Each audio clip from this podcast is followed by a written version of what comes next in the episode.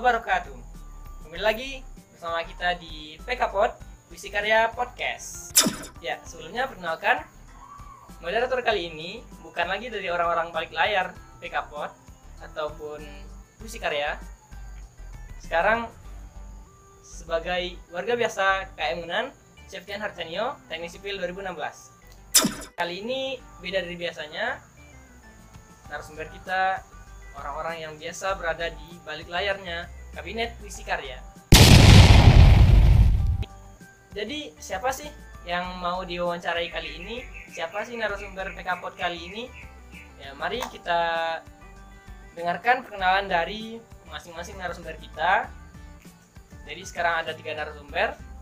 Yang pertama ada Menteri Kominfo Puisi Karya, ada segmen Kominfo Puisi Karya, dan satu lagi staf Kominfo Puisi Karya. Baik, langsung saja. Yang pertama kepada Menteri Kominfo, Puisi Karya dipersilahkan. Oke, eh, ini pakai aku atau pakai saya ya? Pakai aku aja ya. Oke. Perkenalkan nama aku Muhammad Bagus Pribadi. Kalau di kampus dikenalnya Badi ya.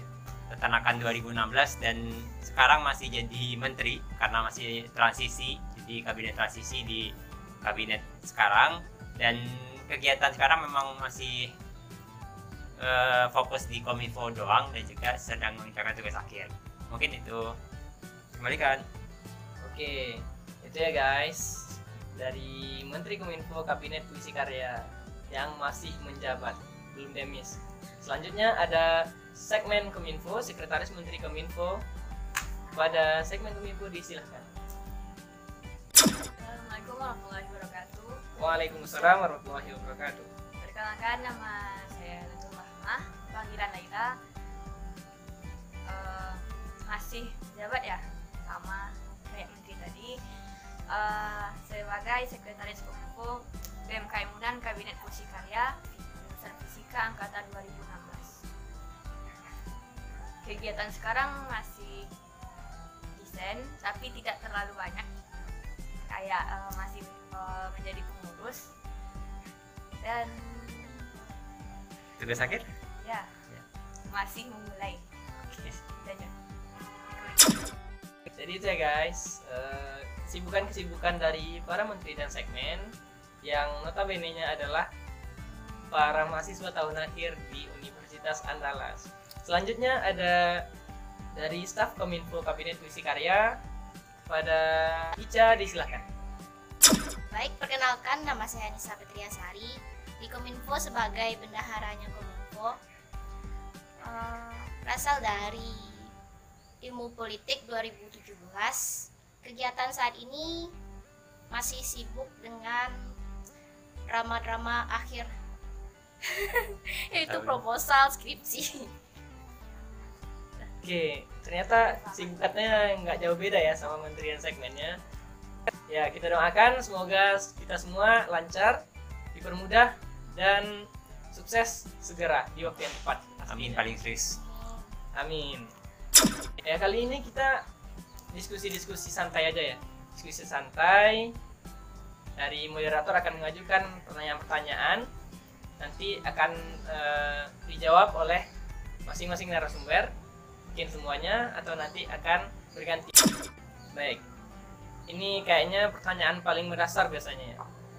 Jika menjadi pengurus sebuah organisasi. Nah, yang pertama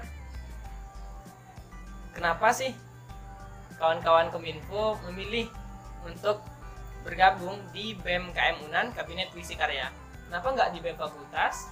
Atau kenapa masih mau bergabung di BEM gitu? Padahal ini sudah tahun akhir gitu kan. Mungkin bisa langsung dijawab oleh kawan-kawan Kominfo. Yang pertama dari Menteri Kominfo Badi silahkan. Oke. Eh, izin bicara ya teman-teman semuanya. Kalau misalkan tadi kan nyebutnya pakai aku ya, jadi sampai belakang nanti kita akan pakai pakai aku saja. Jadi kalau aku sendiri sih alasan masuk BEM sebenarnya pelarian sih ya. Karena memang gini. jadi pelarian ini maknanya gini. Sebelumnya sudah ada rencana sebenarnya di, di semester 7 itu pengen ikut student mobility gitu kan ya. Jadi masuk di BEM itu awalnya adalah biar bisa ikut student mobility dan ada alasan untuk memperpanjang masa studi awalnya gitu kan. Namun eh, ketika di bulan Februari awal-awal Februari ada berita tuh langsung keluar berita bahwasannya student mobility itu enam bulan bukan satu bulan lagi dan itu khusus untuk angkatan 2017 ke bawah kalau salah itu langsung pikir ya kayaknya bukan ini tujuan awalnya ala salah ini langsung ditegur kan? Sama Allah langsung ditegur. Bahwasannya bukan bukan untuk ini nih lu gabung di di BEM gitu kan? Nah kedua juga eh, awalnya kenapa pengen masuk BEM? Karena memang udah dari tahun awal sih ya. dari tahun satu udah pengen masuk BEM. Namun dari akunya sendiri memang masih fokus di fakultas. Eh, selama tiga tahun pertama itu di fakultas eh, ke ini ya organisasinya jadi tidak ada main-main ke PKM sama sekali kecuali ada dulu sempat kepanitiaan di 2018 pernah ikut kepanitiaan di BEM nah itu saja sih dulu ketika eh, awal-awal eh, pengen masuk BEM-nya jadi dua alasan utama itu tadi satu untuk pelarian kedua juga karena memang sudah pengen. Dan yang ketiga awal-awalnya juga pengen biar wajah ini nampil di V3 BMKM gitu awal-awalnya ya. Eh, memang eh, seorang Muhammad Bagus pribadi pada tahun 3 itu bisa dikatakan gila popularitas ya. Tuh, masih eh, banyak ikut kegiatan banyak ikut lomba kemudian eh, alhamdulillah juga jadi mapres kan ya mapres fakultas. Nah jadi di situ kayak ada kayak ada semacam racun popularitas gitu lah. Namun akhirnya setelah di BEM mikir bahwasannya bukan ini loh tujuan awalnya. Bukan ini tujuan yang baiknya maksudnya gitu. Nah baru setelah itu aku perbaiki niatnya baru akhirnya alhamdulillah sekarang niatnya lurus. Memang kayak pengen bermanfaat aja untuk orang lain mungkin gitu. Kembali kan Oke, Eh, tadi katanya salah satu alasan masuk BEM itu karena eh, pelarian ya, pelarian karena ingin ikut student mobility. benar gitu ya, benar. Badi? Nah, eh, dan juga mau tampil di feed IG-nya BMKM. Iya. Namun ternyata diletakin di eh, Kominfo yang notabene-nya merupakan orang-orang pemilik layar. betul jarang banget Nah. di depan layar lah Apa nih tanggapan dari Badi? Eh, nyesel nggak eh, gabung di BMKM sebagai Menteri Kominfo atau ada hal-hal lain yang membuat Badi bertahan di sini seperti itu? Ya, mungkin bisa dijawab Badi. Oke, kalau dari aku sendiri sih kenapa masih bertahan sampai sekarang dan kenapa awal-awal dulu sempat ada kepikiran sih untuk mundur gitu ya, karena memang pandemi ini berefek banget untuk psikis sangat-sangat berefek gitu ya. Jadi ketika eh, aku kepikiran bahwasannya memang eh, kepikiran untuk berhenti pada saat itu, mikir lagi udah sejauh ini perjalanan gitu kan ya, Eh, udah sepanjang ini eh, kepengurusan masa tiba-tiba di tengah eh, hilang saja gitu. Maka timbul rasa apa ya rasa tanggung jawab itu balik lagi karena memang dari awal kan niatnya sudah salah nih namun di pertengahan diperbaiki lagi sama Allah baru akhirnya sadar bahwasanya kalau misalkan saya nggak aku di nggak di sini nih aku nggak di BMKM mungkin kebermanfaatan itu nggak akan sampai sampai sekarang seperti itu sih Septi. Oke, itu ya dari Iya. Badi. Kenapa mau bergabung di BMKM Unan? Dan ternyata dari alasan-alasan awalnya niatnya yang eh, Salah ya. kayaknya udah salah ya, udah Melenceng ya. dari yang seharusnya. Dan di tengah-tengah diingatkan, diberi peringatan, dan akhirnya alhamdulillah eh, kembali bisa meluruskan niatnya. Ya selanjutnya kepada Bu Segmen nih, ya Bu Segmen. Kenapa mau gabung di Kominfo-nya BMKM Unan Kabinet Besi Karya? Eh, kalau untuk ingin bergabung sebenarnya tidak ingin ya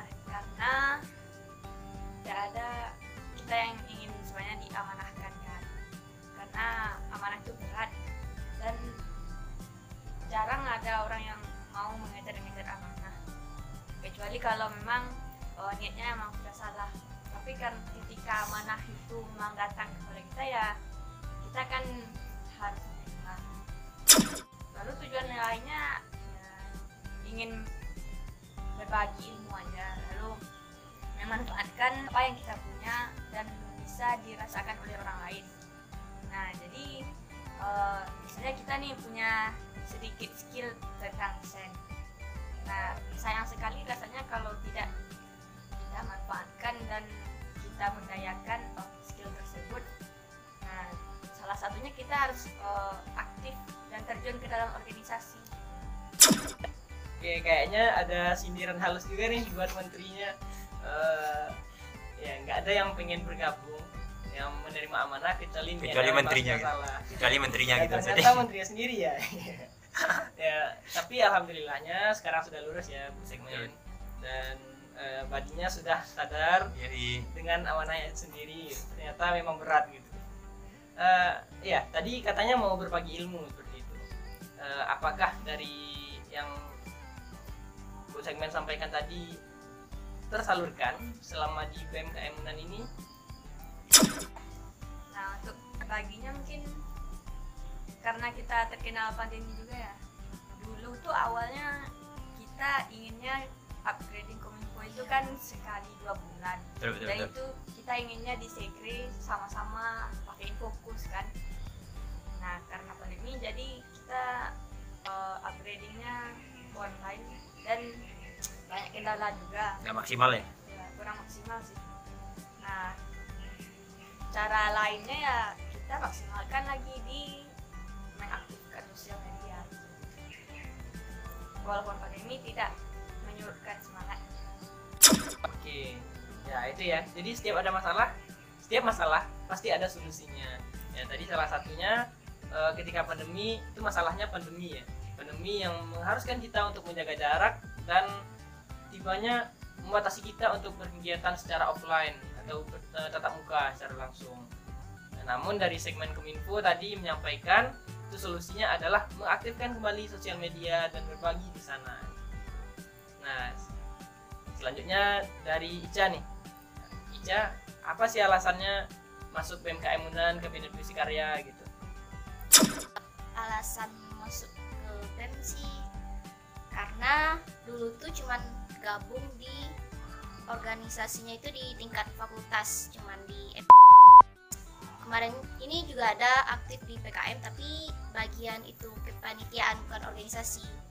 Di bakti dua kali terus adalah waktu itu lupa. Ada beberapa kali kepanitiaan tapi pengen juga kayak lihat anak-anak bakti itu kayak eh anak-anak BEM tuh kayak keren aja.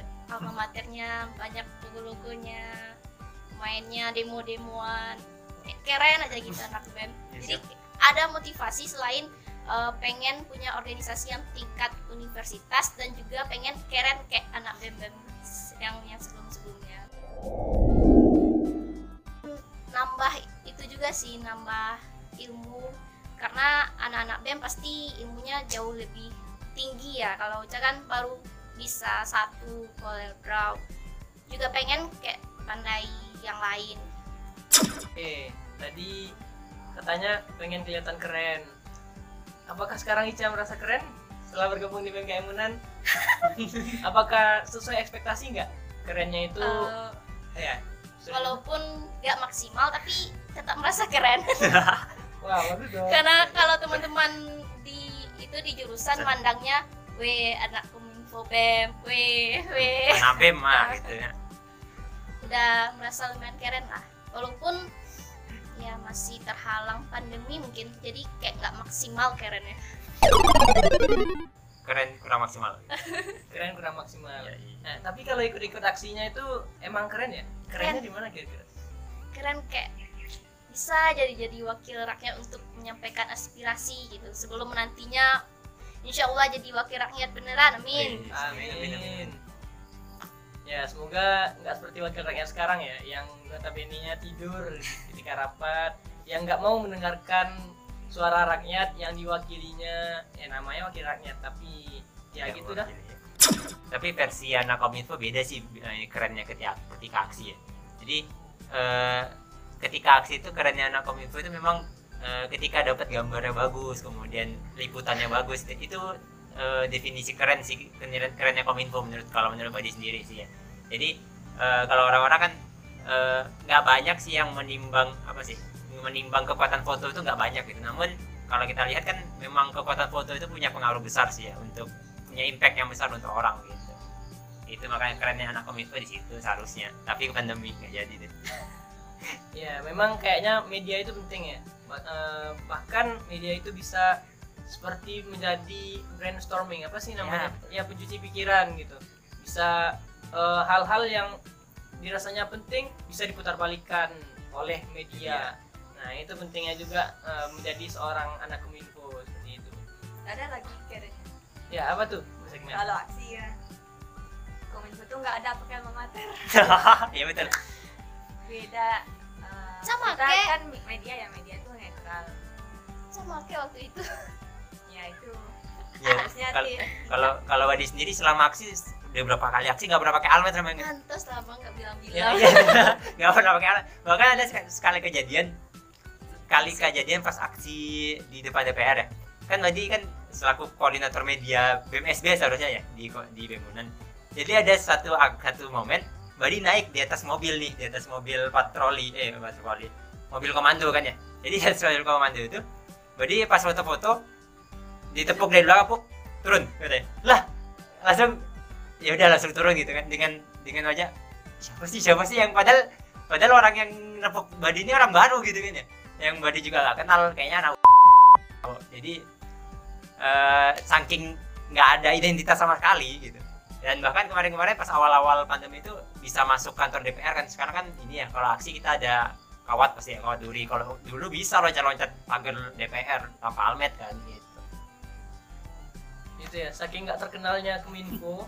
Ya tahu bahkan siapa orangnya kawan sesama aksi pun nggak tahu kalau dia juga ikut aksi Iya. sebagai tim media seperti itu.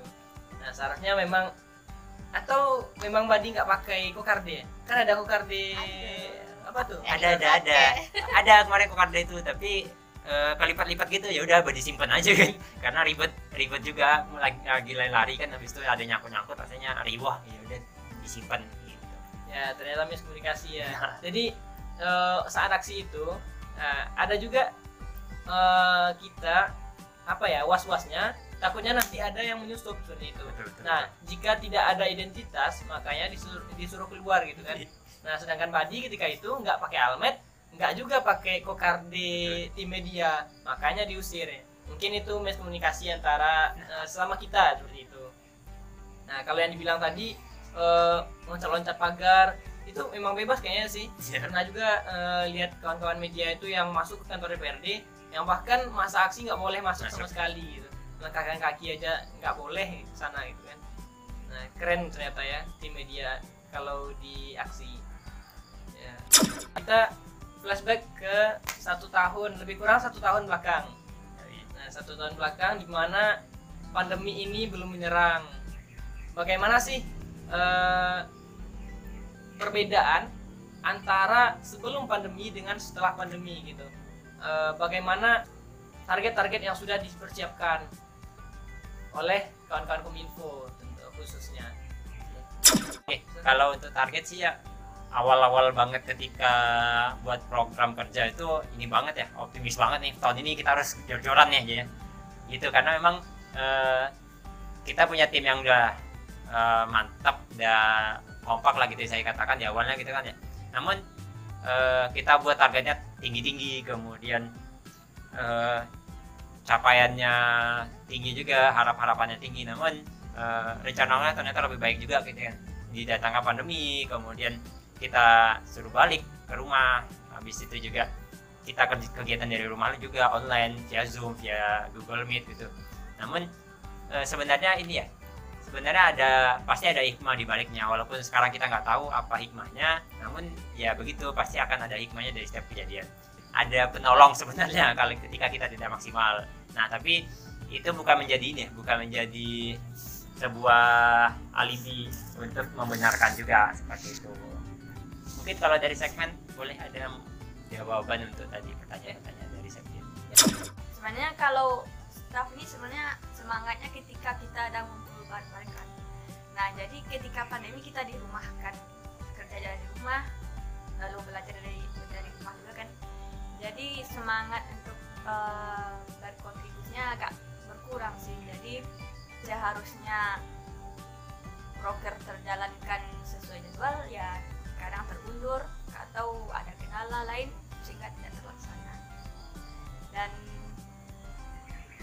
itu sih seben- sebenarnya hikmahnya juga banyak Ya, tidak tidak bisa juga kita menyalahkan pasti ada hikmah. Oke, kalau dari Ica sendiri sebagai staf Kominfo gimana nih? betul sih yang dibilang sama Kak Laila tadi bahasanya emang semangat itu di awal-awal dan semangat itu muncul ketika kita sering jumpa sering eh, diskusi sering ketemu langsung lah pokoknya jadi ketika online ini semuanya serba online jadi kadang jaringan di rumah bermasalah jadi malas ikut rapat jadi banyak kendala kalau online bawaannya jadi ah dah lah malas tapi kalau offline jujur lebih senang dan lebih suka semangat semangat kali pokoknya kalau udah Walaupun sibuk Heeh. akhirnya gitu ya. Tapi Walaupun memang bahagia sibuk. sibuknya. Mm-mm, walaupun sibuk nanti ada kominfo rapat langsung semangat deh harus ikut harus ikut harus ikut tapi kalau online ya Allah dah lah Kayak stiker ya. Dah lagi. Ya ternyata emang agak berat ya, apalagi kalau di rumah itu dan ketemu kasur pengennya rebahan gitu.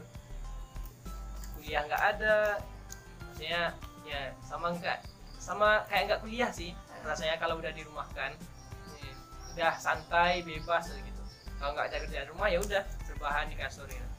Jadi hal-hal yang online pun bisa terlewatkan kalau udah seperti itu gitu kan. Akhir nih, terakhir. Ya untuk menterinya kayaknya cukup ya. Sekarang pertanyaan untuk segmen dan eh, staffnya deh. Pertama segmen dulu.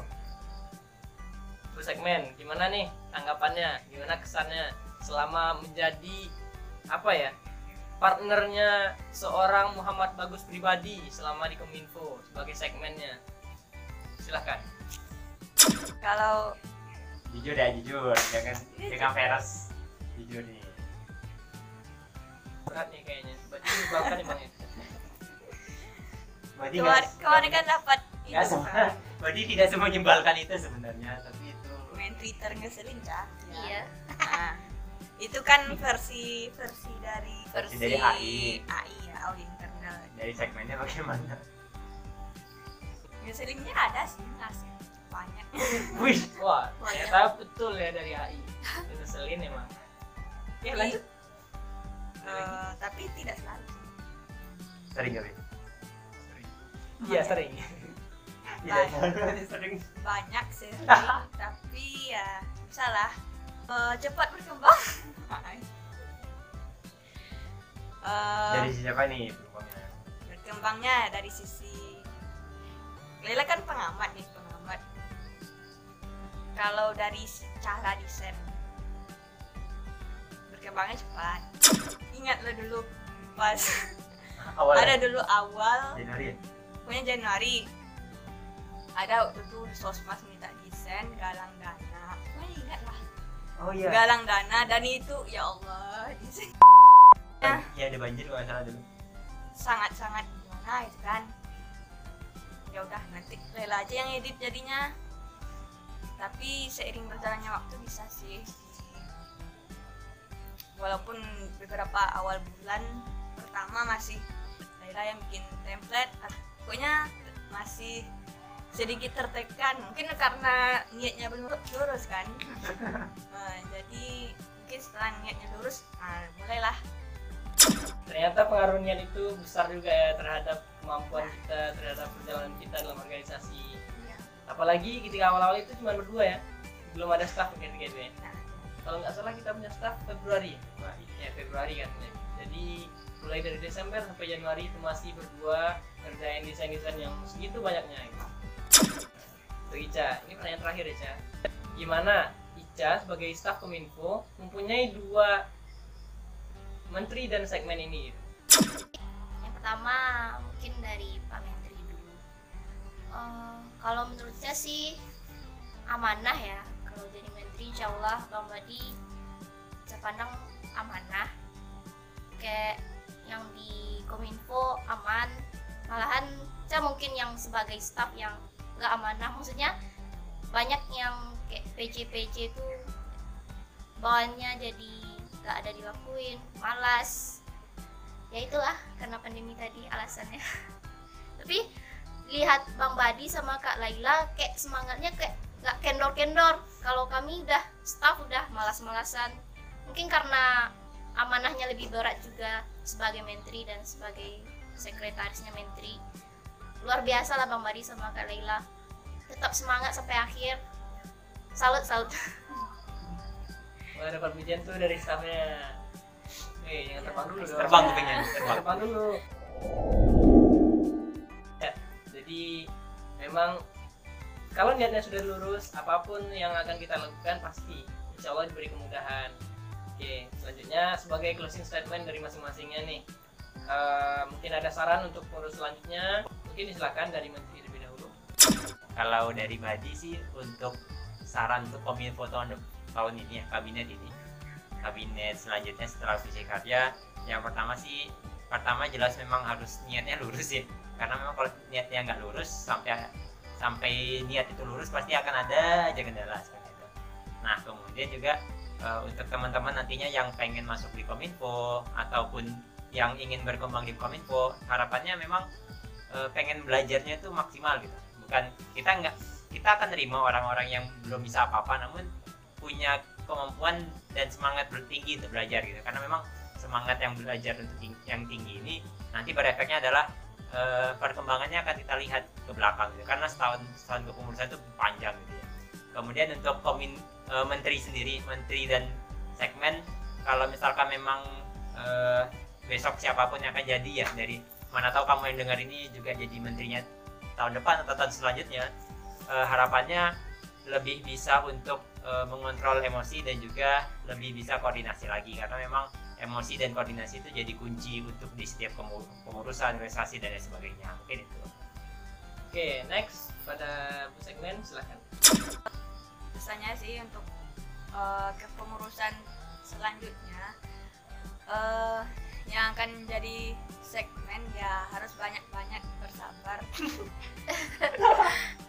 Ya mana tahu kan jumpa menteri kayak ini lagi gitu ya ya Iya. kalau iya iya diain dong enggak bukan kalau doain aja kalau menterinya jauh lebih baik iya Amin. jangan pernah eh, patah semangat gitu ya. ngeluh ah, boleh sih tapi tidak usah di eh, ditampakkan Membawa perasaan ya. Baper. ya jangan nanti eh, menterinya hilang-hilang terus segmennya juga baper. Nah, akhirnya ya hilang keduanya jadinya. Ya, tapi kayaknya yang sekarang nggak kayak gitu ya. Yang sekarang alhamdulillah luar biasa orang keduanya selanjutnya kepada Ica silakan. Saran untuk itu kepengurusan selanjutnya. Apa pun yang terjadi meskipun tahun, tahun besok itu masih ada pandemi atau ataupun sudah kuliah seperti biasa. Itu sarannya tetap semangat jangan jadikan eh, pandemi itu sebagai alasan untuk bermalas-malasan. Nah, jangan ditiru lah yang sudah-sudah terjadi.